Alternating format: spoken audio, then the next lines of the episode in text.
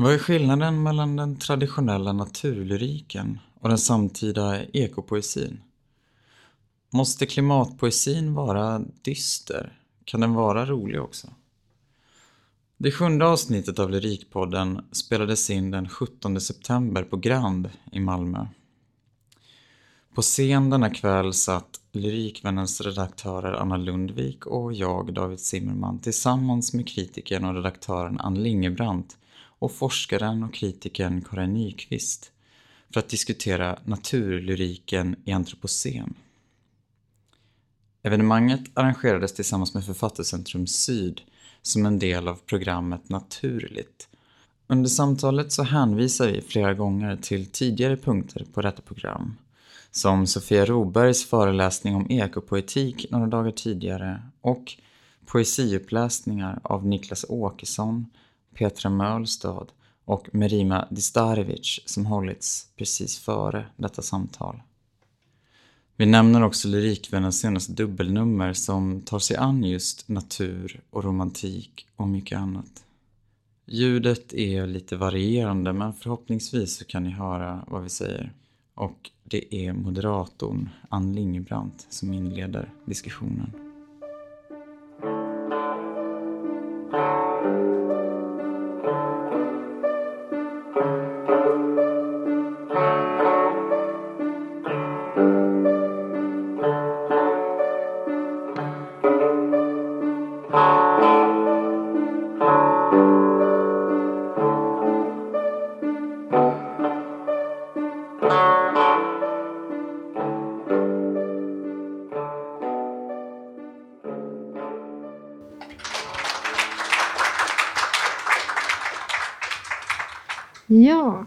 Nu ska vi försöka sätta in det här vi har hört ikväll i ett sammanhang, tänkte jag.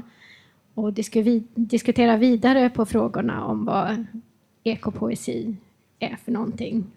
Eller om vi ska prata om naturlyrik kanske i en lite vidare bemärkelse.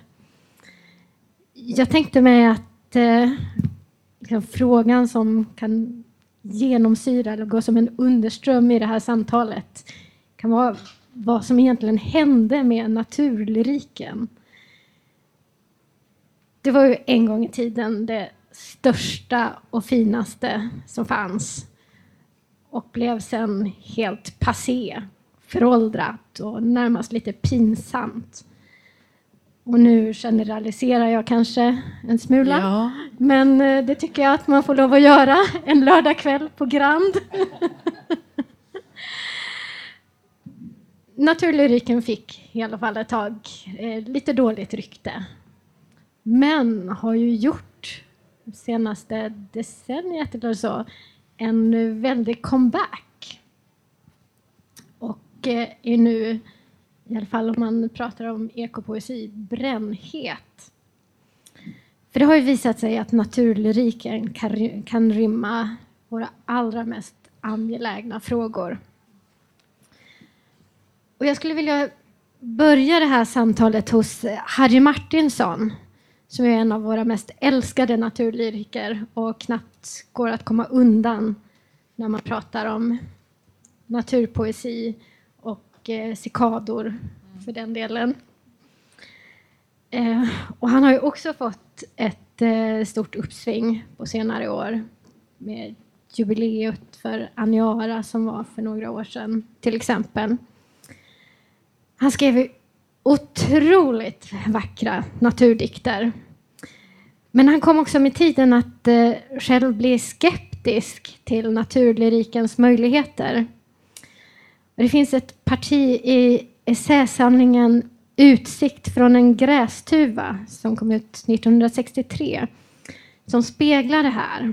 Och som jag också tycker säger väldigt mycket om eh, ett slags mentalt skifte från eh, den ideal, möjligtvis idealiserande naturskildringen till en eh, betydligt mer miljömedveten sån bort från den klassiska naturlyriken mot det vi kan prata om idag som eh, ekopoesi. Så här skriver han. En härlig känsla för tystnaden och nyanserna var för insjön, särskilt om sommarkvällarna. Nu är den bortbullrad och sinnena får inte tag i den mer.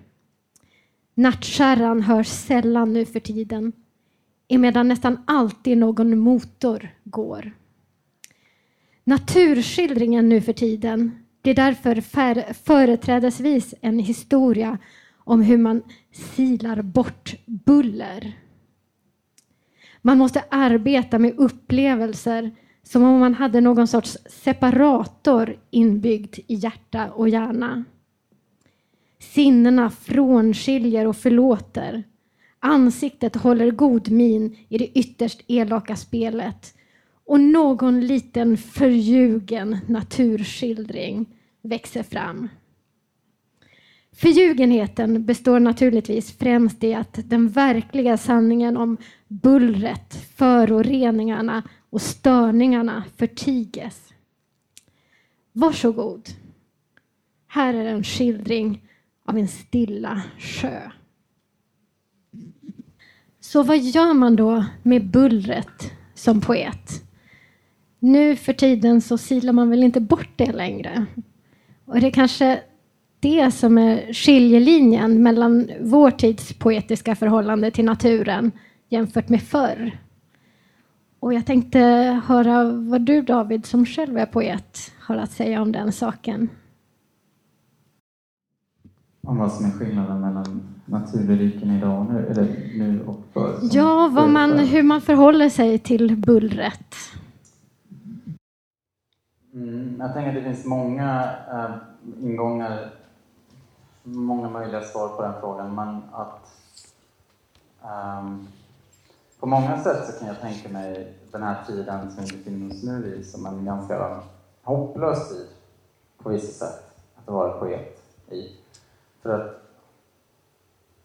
um, vi har passerat igenom väldigt många vad ska man säga, teoretiskt kritiska liksom, eh, paradigm under en tid där vi har, som har osäkrat i princip alla begrepp kring både natur och eh, skönhet, Eh, ett poetiskt subjekt och många sådana saker. Så att, Eh, det, det, finns en stor utmaning tror jag för poeter idag att säga någonting, att presentera problemet kring exempelvis klimatfrågan på ett poetiskt nytt och eh, effektivt sätt.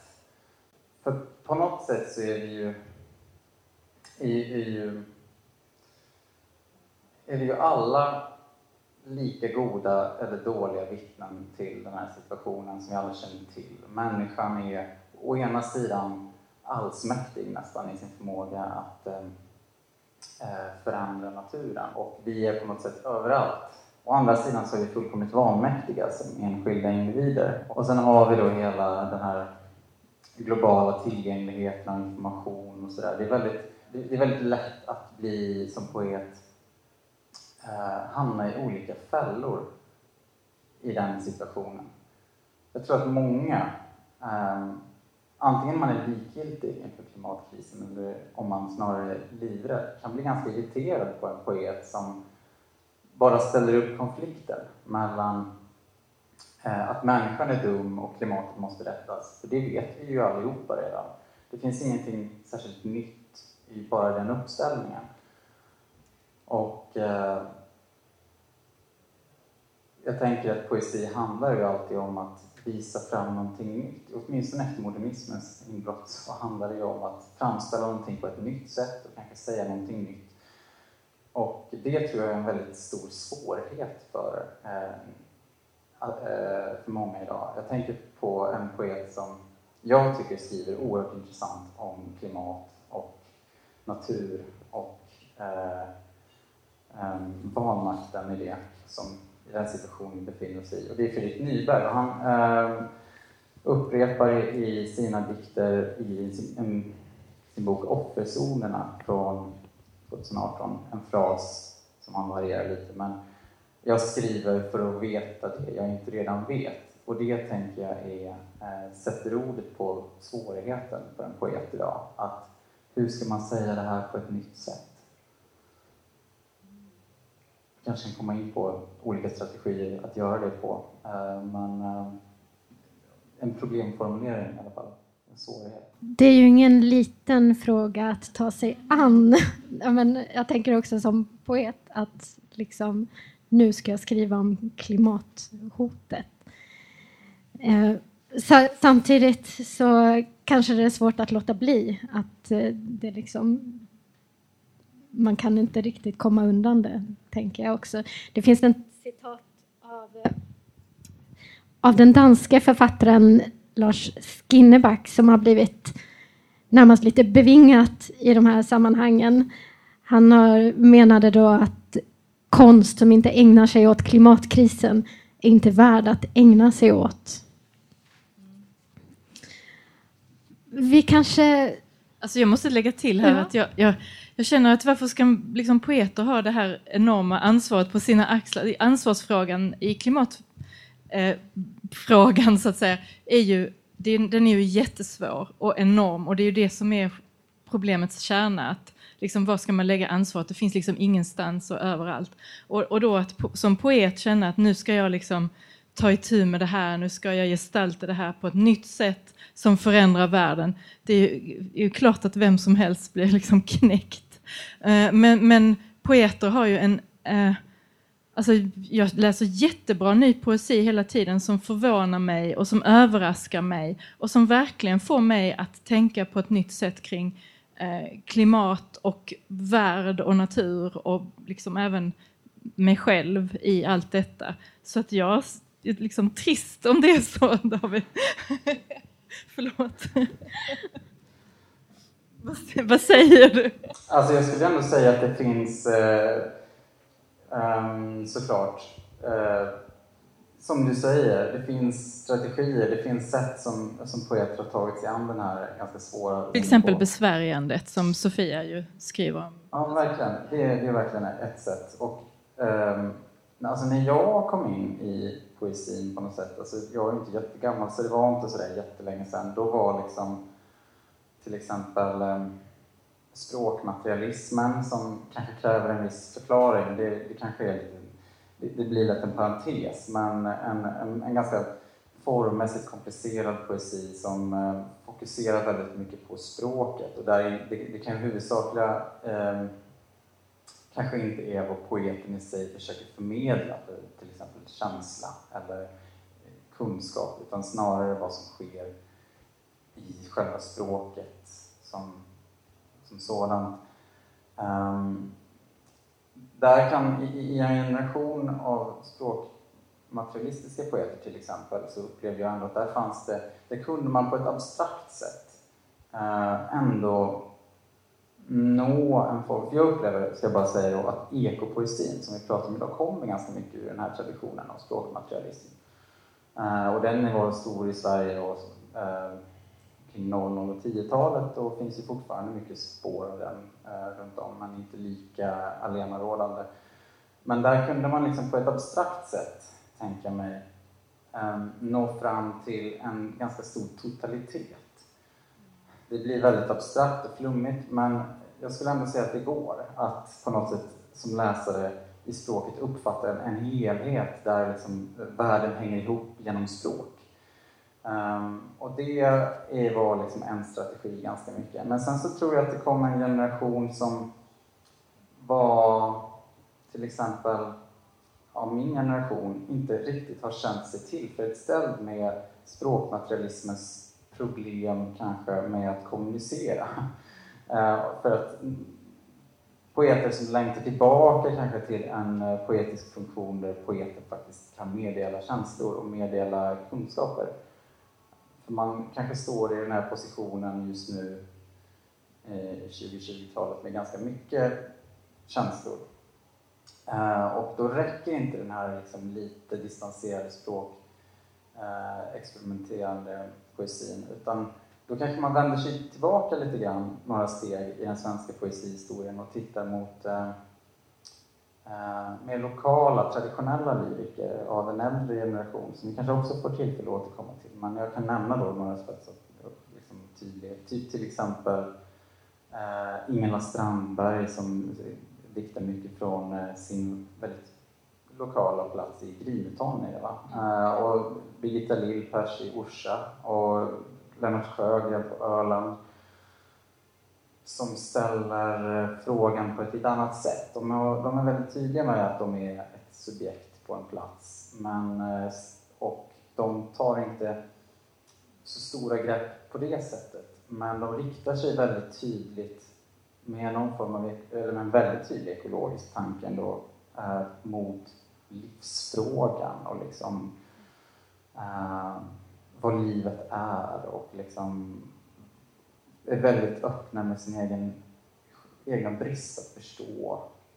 Ja, det, det, det är en, det är en, en liksom mer traditionell lyrisk position som jag tänker säkert kommer tillbaka. Och det, jag menar att det är en strategi då, att liksom, man, kan, man, kanske, man kanske börjar tala om det mer lokala till exempel, för att kunna axla det här då tänker jag ju också igen på Harry Martinsson och bara den positionen han intar när han skriver om utsikt från en grästuva.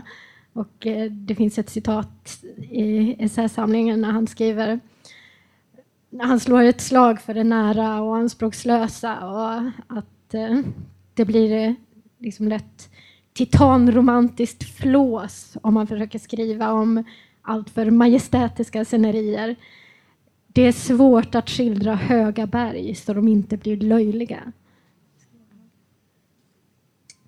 Eh, men vi kanske ska gå in lite på begreppet nu, vad vi egentligen pratar om. Vi har sagt ekopoesi eh, ett antal gånger, vilket är ett begrepp som poeterna själva ofta har vänt sig emot och inte tycker om att få den etiketten klistrad på sig. Vi har hört postnaturlyrik, klimatlyrik, antropocen lyrik.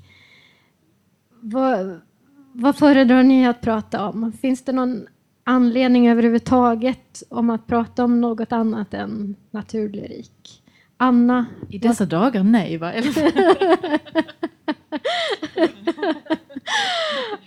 Anna, um, vill du nej, men Jag tänker att begreppet ekopoesi eh, kommer ur en ganska teoretisk bakgrund och som syftar till att, eh, som vi hörde du återge Gabriella, eh, Sofias föredrag, att man liksom försöker utplåna bland annat dikotomin mellan, eh, flera dikotomier mellan människa och natur eh, framför allt. Och en, en liksom bärande idé är att människan också är natur och att man ska försöka eh, se bortom det mänskliga perspektivet.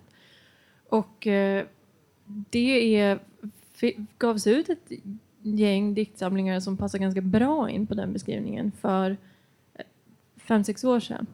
Och, eh, men det är också en ganska snäv beskrivning där inte eh, mm, det finns, jag tänker att det finns eh, andra sätt att skriva en eh, liksom, klimat eller miljömedveten poesi på som inte riktigt skulle passa in i det begreppet. Mm. Karin, hade du någonting här? Nej, jag skulle vilja ställa en fråga till Sofia faktiskt. För att du, eh, Gabriella, du sa att det här var tio år gammalt. Jag tänker, det är väl mycket äldre än så? Eller? Sofia? Alltså, jag tänker att, eh, att det fanns något, i alla fall i den svenska debatten, att det var något stort genombrott i mitten av 2010-talet. Jag tror Sofia sa 2016 på föreläsningen, men man ja. får ju komma ihåg att det är ett amerikanskt begrepp som liksom uppstått i USA och eh, för att diskutera en, en liksom amerikansk poesitradition som sedan har överförts hit. Ja, men den är ändå ganska ny i USA. Jag tror ändå att det handlar om 2000-talet vi pratar om. Och att i Sverige så är det kanske 2010-talet. Right, men just, men just jag, den ja. blicken på det. Sen har det naturligtvis skrivits både eh, miljömedveten och klimatmedveten naturlyrik också i det här landet tidigare. Men det var just kring 2016 så var det en rätt intensiv debatt att man verkligen började peka ut och och det var då Jonas Gren kom också ju med mm. han, han, Ja precis, han, han debuterade 2014. Men det var 2016. Vad, vad som, Som en- antropocen kom som sen tog slut direkt och så. Eh, På grund av titeln kanske också. Men vi kanske ska få lite längre historiska perspektiv på det här också. Jag Den vet inte svenska- riktigt. Den svenska poesihistorien är ju väldigt mycket en grön historia. Om man börjar gå in och leta så är det ju rena floran och faunan. Vi har Stagnelius som undrar vad häcken susar. Heidenstam som längtar marken. Frödings susande säv. Karin Boyes bristande knoppar. Tranströmers skalbaggar. Ja. Och Östersjöar. Och, Ja, Karin vill du hjälpa mig och ge några Ja, du- snabba nedslag? Ja men du gjorde det ju precis. Alltså, jag, jag tänker, och det är kanske därför också jag tänker på det här med ekopoesi. Liksom, aha, var det för tio år sedan? För vad gjorde Sofia då när hon undersökte Inger Christensen? Jag tror hon gjorde det utifrån ett rätt så liksom, ekopoetologiskt perspektiv. Men, men eh, Eh, så, så det är väl, eh, alltså poesin är ju liksom vad den är och sen så kommer ju ah, vi andra och sätter eh, etiketter på den då och sen nu har vi ekopoesi här. När det, och det är klart, då är det ju lätt, jättelätt att gå och säga men vad är då detta? Var inte det ekopoesi? Och som du säger, då är det ju någonting som har myntats någon gång och sen så kommer det i, i liksom svang och så. Men, men det här med naturen jag tänker att du säger att den svenska lyriken är grön. Jag tror man skulle kunna sitta i många länder och säga vår lyrik är, är så grön. För att i alla länder så har man liksom det här att vi, man skriver om den egna platsen, det, liksom det som finns där på marken och, och att det liksom skapar en väldigt stark känsla för, precis som du säger, liksom det lokala och um, Eh, och, och så. Att det, att det kan man nog hitta på ganska många ställen tror jag. Men det är liksom självbilden också. Och det är väl där man också lyriken liksom hamnar i det här lite nationalistiska gärna när man kommer in på naturlyrik. Och det kanske var därför som den kom i lite dålig dager ett tag. Att just att äh, det är bara att sitta och skriva om sin egen lilla sådär. Eh, men men eh, istället ska vi lyfta blicken och så. Utan för att när man skriver om naturen då skriver man ju gärna om just det lilla bladet och den lilla tuvan och liksom lilla krypet och så. Eh, men eh, ja, en historisk och liksom överblick. Eh, Naturen har ju funnits med i lyriken från början, eller hur? Alltså, man vill ju inte säga det, men du vet, antiken har vi det. Och, eh, vi har det i Bibeln och vi har, alltså så, i Salteren har vi det. Och, eh, och så, men om man tänker på det i svenska, så som du sa, Gösta Stagnelius, men, men även på, redan på 1600-talet har vi ju Vivallius som skriver jättefin naturlyrik eh, om hur kallt det är på våren och han längtar efter den varma solen och så vidare. Ehm, vi har jättemycket psalmdiktning som eh, är väldigt naturlyrisk. Eh, den blomstertid nu kommer, den är från slutet av 1600-talet. Eh, och så vidare. Så, så att den här liksom att det skulle vara jättemycket på romantiken där, att det kommer jättemycket naturlyrik och så då med Stagnelius och eh, Samuel Hedman och allihop. Det, det, det gör det väl, men det finns ju redan. Eh, Eh, och eh, sen så, så bara, ja, jag vet inte vad jag ska säga. Det var liksom, eh, jag kan ge en katalog här, det, det, det liksom rullar på. Det som är väldigt häftigt, med- just om man tänker Harry Martinsson, som ju är omöjlig att gå förbi, det är ju att det här miljöperspektivet, han har det ju otroligt tidigt. Eh, och uh, om man ska se någon sorts liksom, vändning då från den här bara jag älskar att sitta här och under mitt träd och så, utan att liksom verkligen att människan griper in i naturen, förändrar den och han blir ju aktivist närmast. Uh, och det här med bullret och så, han var ju anti-bil poet och liksom verkligen, han avskydde ju motorvägar och, och, och så. Och, och det, man sågs ju som då en väldigt konservativ och en bakåtsträvare. Um, så där tror jag det är någonting speciellt i Sverige faktiskt. Nu känner jag att jag har pratat jättelänge. Men, men, men, eh, och sen så, så, och där finns det ju någonting att bygga på då sen. hos eh, en sån som Sonnevi till exempel, som ju också har ett väldigt eh, miljöengagemang faktiskt, redan på 70-talet och så. Um, så, så, så om man ska tänka det här ekopoesi, förlåt Anna, Eh, eh, det här att tänka bort människan eller alltså försöka tänka liksom bort människan som på något vis centrum och som någon sorts utgångspunkt för vilken skala man ska använda när man talar om vad som är stort och litet och så. Jag tänker att Harry Martinsson gjorde redan det. Ja, han, han försöker ju tänka bort dem och skildra liksom eh, andra organismers verklighet. Men han skriver ju samtidigt i ett språk som är väldigt liksom, dekorativt. Och jag tänker att man idag kan återvända till Martinsson och läsa hans eh, liksom, otroliga naturskildringar för att man eh, um, sörjer en natur som inte längre finns. Att det finns en... Nu liksom så är det är mer än bara ett buller vid en sjö. Liksom, och att, men det är ändå som ett... Eh, liksom, i, i, i, åtminstone i poesin så finns den här eh, platserna kvar som vi kanske ännu mer idag längtar tillbaka till. Liksom. Ehm, man läser det för att få, få syn på den här naturen igen. Jag tyckte vi var, när vi precis hade tagit över Lyrikvännen så var vi på ett vistelsestipendium på Artur Lundqvistgården. Eh, som är gården där Artur Lundqvist föddes. Artur Lundqvist eh, har skildrat naturen liksom så här primitivistiskt och liknat den mycket med kvinnan och så. Så han är väl verkligen liksom passé.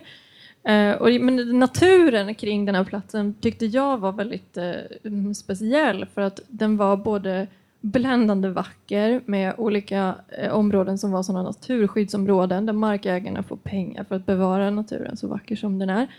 Och sen var det fruktansvärda granodlingar och det här är alltså i norra Skåne så det är helt, känns helt apart att det ska växa en mörk och tät granskog där.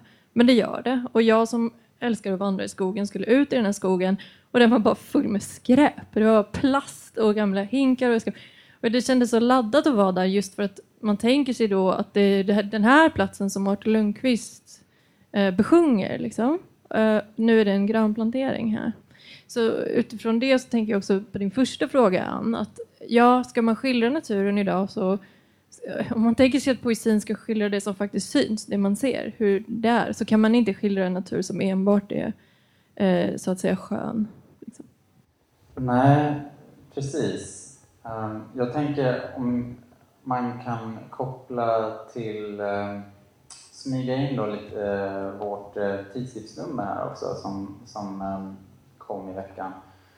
Där ju då Sofia Roberg eh, återigen är med, eh, men också eh, en skribent som heter Mats O. Svensson. Och de två texterna, Sofia skriver då om eh, svensk poesi, svensk poesihistoria och eh, undersöker hur poeter, vissa som jag nämnt, men det är Heidenstam till exempel och Fröding, Rydberg, eh, fram till via Ingela Strandberg till Katarina Frostenson och samtiden, Fredrik Nyberg tror jag ja, så det är liksom, Men där, där skogen och skogens gränsvarelser särskilt tar plats. Alltså, vem är det man möter när man går in i skogen och vad betyder egentligen det? Vad är det för något begär som eh, poeterna försöker omsätta när de går in och träffar på ett skogsrå eller eh, troll och sådär? Vad har de här för betydelse?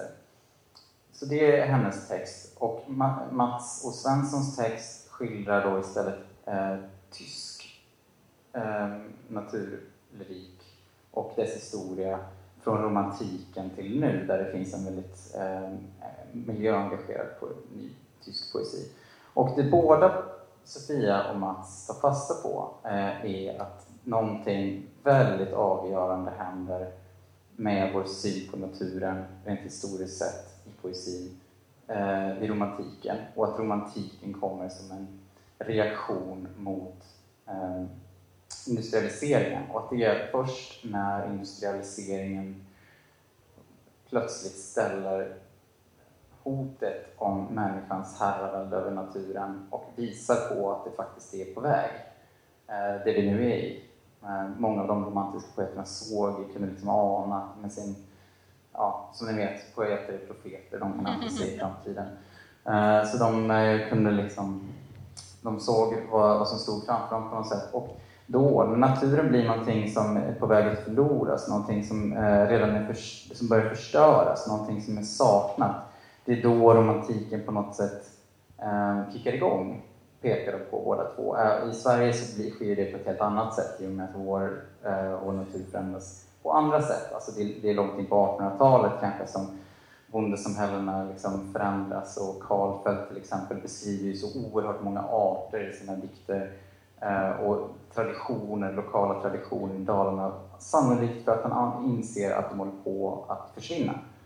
Eh, och att det finns liksom inbyggt det där, jag tänker då för att egentligen bara återkoppla till det här med bruset och lite annat som jag har varit inne på. Att, Ehm, jag tänker att bruset är inbyggt redan från början, eh, lite grann. Att det är lite det som Sofia och Mats, eh, och det var det du sa nu också Anna, men, men att liksom den här rädslan för att förlora naturen och sorgen över vad som är på väg att förloras och som var då kanske nu redan har förlorats, har funnits med ganska länge.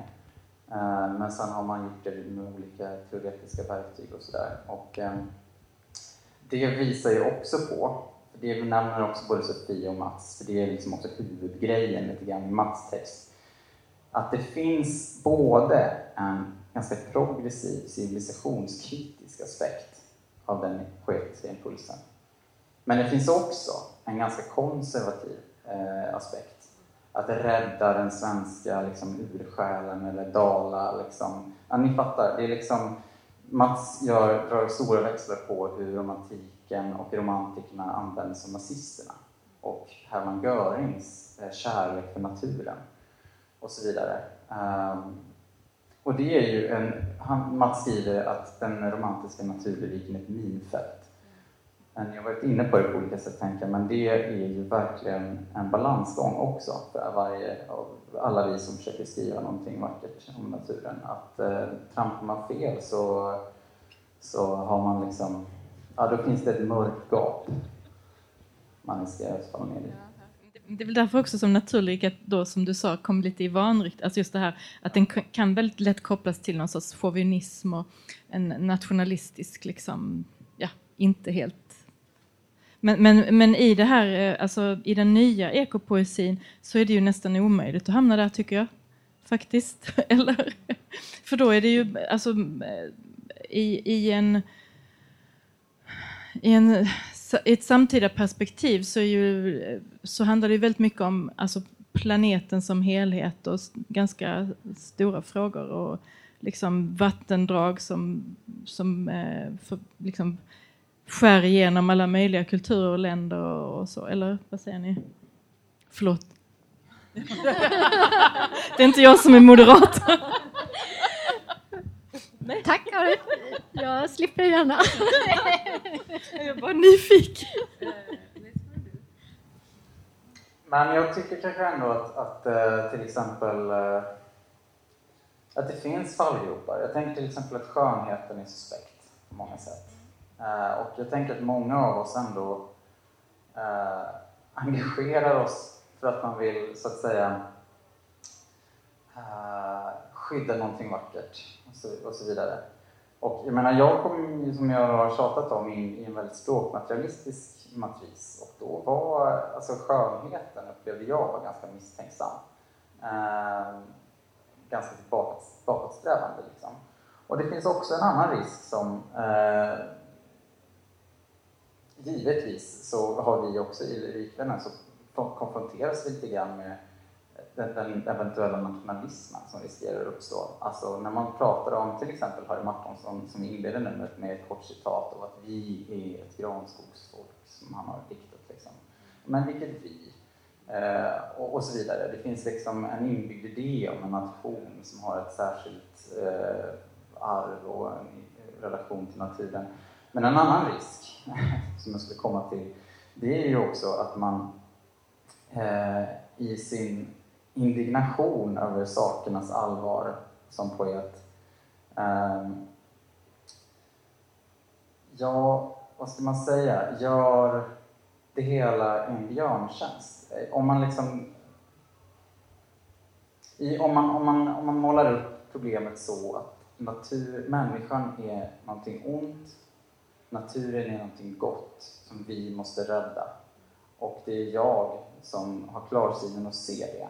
Alltså hör jag till ett, eh, det här är ett ganska cyniskt perspektiv, men det finns där. Alltså en slags eh, enkel dualism där naturen är något gott som vi eh, måste rädda och, så här, och i det så gör Det vi är där ekopoesin liksom kommer in ju, för att den försöker vända på den grejen att människan är ond och naturen är god. Och eh, liksom utplåna det. Den ifrågasätter ju också det här med var gränsen finns. Ja. Mm. Men då tänker jag återigen att det är viktigt att påpeka att ekopoesin är ju ett akademiskt begrepp som vi lägger på poesin. Eh, det är väldigt få som skulle säga att man skriver utifrån en ekopoetisk te- eh, liksom, ehm, teori. Eh, man har en kanske, men det poeter har nog börjar ha en ganska ingrodd i sig, kan jag tänka mig, i samtiden. Men jag tror ändå att det är, det där är svårt. Det är en sak att göra en teoretisk distinktion, en helt annan sak att skriva poesi.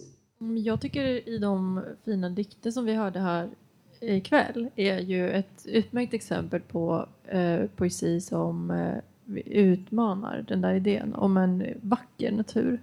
Verkligen. På ett oerhört... Alltså jag minns när jag kom till Malmö, återigen då, 2015 och lyssnade på Petra Mölstad när hon läste ur eh, Omloppstid och att jag var, då begreppet post, eh, posthumanism Mm, väldigt jag var så här, det här är...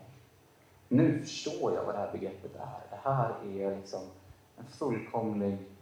Det var så äckligt och så vackert samtidigt. Och det tänker jag är en liksom eh, en erfarenhet man nästan, ja, man, man, som, man, som poesi lämpar sig väldigt bra för att uppleva. En, en, en insikt, eh, om man nu är en bra poet. Vi har ju kommit tillbaka flera gånger till eh, sorgen. Sörjandet av det som har gått förlorat. Att det liksom ingår i naturlyriken. Och att det är väldigt svårt att skriva om naturen utan det perspektivet. Att idag blir, handlar det kanske om att bearbeta förlusten. Och det var ju då Harry Martinson återigen också redan inne på.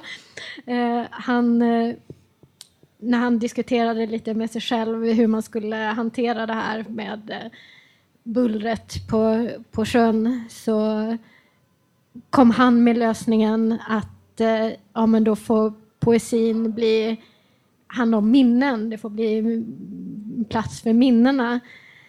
Så han skriver en fågel för länge sedan död sjunger i vår skog. Men måste det vara så här sorgligt i samtida naturpoesi? Skulle, finns det plats för andra känslor? Kan klimatpoesi vara rolig? Den kan ju framförallt vara väldigt arg. Den behöver inte vara sorgsen, utan det kan ju finnas en väldigt ilska också, tycker jag. Eh, och jag är väldigt nyfiken på nu när vi har en massa poeter och liksom andra här, eh, just det här med eh, hur, hur man från det hållet funderar på detta med poesi som liksom aktivism. Vad säger ni? Ehm, ja. ehm, eller poeten som aktivist? Ja, poeten som aktivist. Alltså, jag tänker att eh, alltså man måste ju vara realistisk med vilken eh, liksom, skillnad en, eh, en poesi som är tryckt i en liten poesitidskrift med tusen prenumeranter har eh, förmåga att göra. Det, den förändrar inte världen. Eh, jag tänker att däremot att poesin kan eh, betyda väldigt mycket för eh, liksom några enstaka som, som läser den och att de kan göra en oerhört stor skillnad och få oss eh, att få syn på saker och känna saker. Poesin jobbar med våra känslor. Um, så den är inte helt utan potential. Men den, den är heller inte, man ska heller inte överskatta dess förmåga att liksom omstörta Eh, som en politisk, alltså som en politisk eh, kraft så är den kanske inte särskilt eh, stark utan den är bättre lämpad. Ehm, för, för någonting annat. Sen vet man ju aldrig när det kan ta fart. Alltså, det, och, och till exempel eh, eh, bidra till att Sverige inte skaffar kärnvapen och sådana saker. Där tror jag poesin har varit viktig en gång i tiden. Faktiskt. Ja. Det eh, vill man ju, det vill man ju inte tänka. Eh, men jag, jag, tänk, jag, jag, kommer att tänka på då, eh, det har delvis till det om ilska, men jag bara får återkoppla till Anns fråga där lite grann om och andra känslolägen än enbart deppiga. Så då kom jag att tänka på då en annan text som jag publicerade till Rikvännen för några år sedan. Det var i nummer 6 2020. Nej, det var inte alls det. Vilken text du Nej, pratar om. Eh, Det är inte så lätt att veta. Det var ju årets första nummer. eh, eh, Av, skriven av Arne Nelberg, ehm, som ju är väldigt eh, kunnig kring poesihistoria. Han skrev, apropå att det var då hundra år sedan som T.S. Eliot skrev Över landet och det var hundra år sedan som Rainer Maria Rilke skrev sonetterna till Orpheus. Och han testar att måla upp två linjer för poesin i Europa efter det.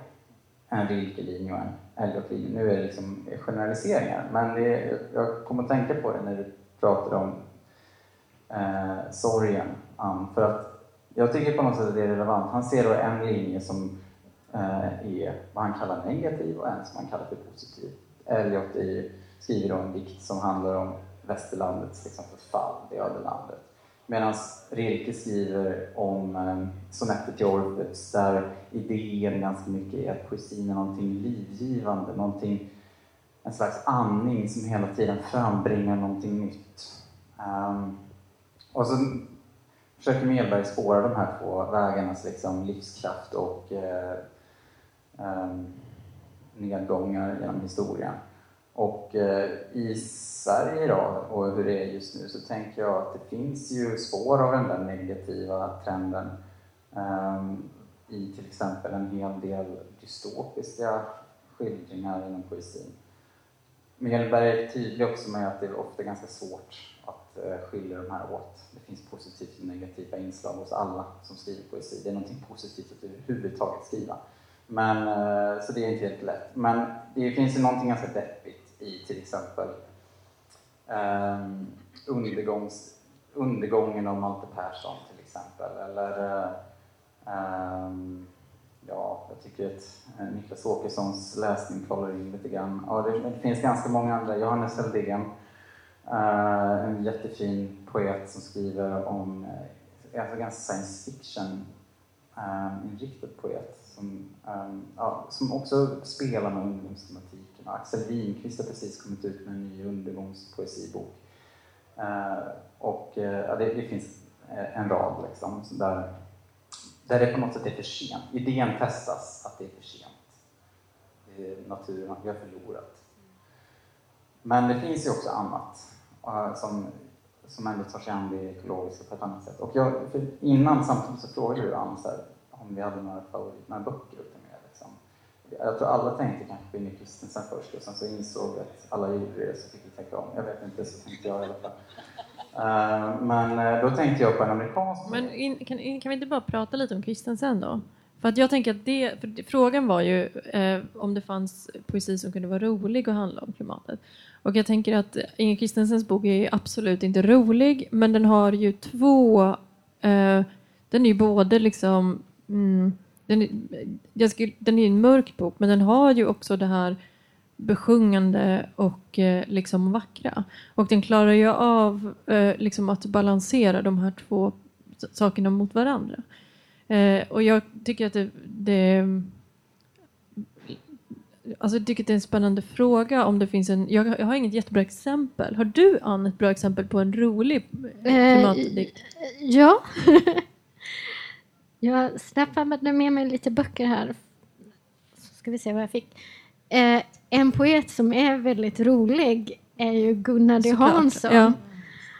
Och eh, i alla fall om man har svart humor.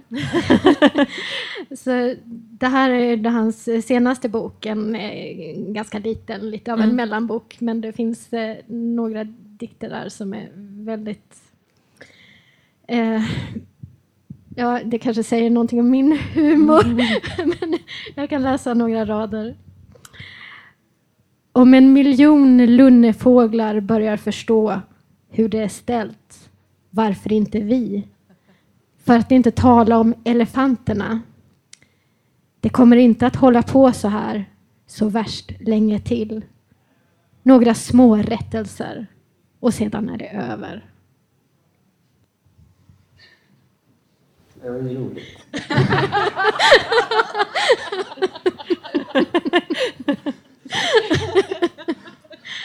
Ja, eh, Men man, behöver, alltså man måste ju ha ljuset i poesin också. Alltså om man bara skriver en totalt svart bok som bara är destruktiv och full. Och bara, alltså det måste finnas eh, nå, antingen någonting roligt eller någonting vackert eh, i dikten också. Det måste finnas en eh, balans liksom, för att det, för att det ska, ska bli bra.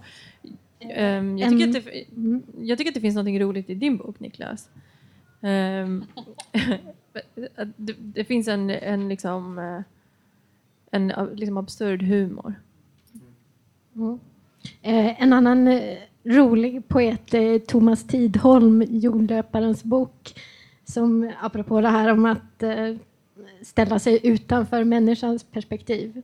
Det är kanske någonting med att det är de här eh, ganska gamla poeterna som förmår göra det. Det känns som att man mer ser det där kanske än hos de yngre. Att det finns lite av den här humoristiska distansen. Ja, men jag tycker att också Jonas Gren är ganska rolig. Han arbetar mycket med språklig abrupthet och humor, tycker jag. Ja, men eller Fredrik Nyberg är också rolig. Absolut, Fredrik Nyberg är jätterolig. Eh, Hans, hans senaste bok han- han är ju, heter ju Ruiner. Den är ju jätte, liksom, apokalyptisk, men den är också jättekul. Eh, men jag tänkte mitt exempel då som jag hade... Vi är så torra. eh, var en amerikansk poet som heter May May Bergsbrugge eh, som vi publicerade i vårt första nummer i Lyrikvännen. Och hon har skrivit en bok som heter, bland annat många böcker, men en bok heter Hello the Roses. Och hon upplever jag som urtypen för mig, som en väldigt extremt ekologiskt medveten poet. Eller det händer någonting ekologiskt när man läser åtminstone. Och en väldigt eh, positiv eh, liksom, inte, hon är inte lyriskt besjungande, hon är snarare ganska torrt beskrivande. Men hon, hennes dikter handlar väldigt mycket om att liksom, om vi, bara, om vi anstränger oss och använder våra, liksom, alla våra förmågor och går utanför våra liksom, poetiska, sinnliga förmågor så kan vi genom vår perception hitta nya kopplingar med världen. Eh, och de kopplingarna är fantastiska. Eh, och ju fler sådana, alltså hennes dik, dikter liksom vecklar ut sig som jättestora ormbunksblad. Det är väldigt svårt att beskriva hennes långa rader som bara fortsätter och fortsätter att veckla ut eh, väldigt sinnes, sinnliga beskrivningar av världen. Och, eh, ja, men, och den, det finns många, många andra. Eva-Stina Byggmästare i Sverige har ibland en liknande tendens. Eh, men där är liksom nya, tidigare otänkbara kopplingar mellan min förmåga att tänka i bilder eh, kopplar samman mig med världen på nya sätt. Och det är verkligen en liksom, jublande upplevelse på något sätt. Så det, jag tycker verkligen att det finns en positiv, eh, inte, li- inte så värst deppig och en uppenbarligen en ganska rolig eh, del av naturlyriken också. Mm. Och nu är jag nyfiken på vad ni andra har, tog med er som inte var alfabet. Anna? Ehm, jag valde faktiskt Malte Perssons Undergången. Ehm, du har skrivit om den, s- eh, såg jag. Ehm, Ja. den är ju en apokalypsskildring kan man väl säga, en undergångsskildring. Lugnt säga. Och eh, den, jag vet inte om jag skulle egentligen klassificera den som en ekopoetisk bok. Eh, men eftersom vi ska prata också om dikter i antropocen så tycker jag att den passar. Att jag valde den är för att jag tycker att den på något sätt um, svarar mot um, den uh, skräck man kan känna, den sorg man kan uh, känna över um, liksom just det där stora, över alltet, allt som går förlorat. Uh, och hos honom finns kanske då um, den där, det där ehm, muntra som får allt att balansera i själva dikternas form. För att han använder ju eh, mycket av sonetten till exempel. Och eh, Karin? Alltså jag tänkte på Gunnar D Hansson faktiskt, så att, eh, det känns lite överspelat nu. men men eh, jag, jag, tycker att han är en sån poet som, som eh, länge har arbetat med att på något vis försöka ställa sig vid sidan av eller försöka tänka bort det, liksom, det mänskliga subjektet och fram någonting annat.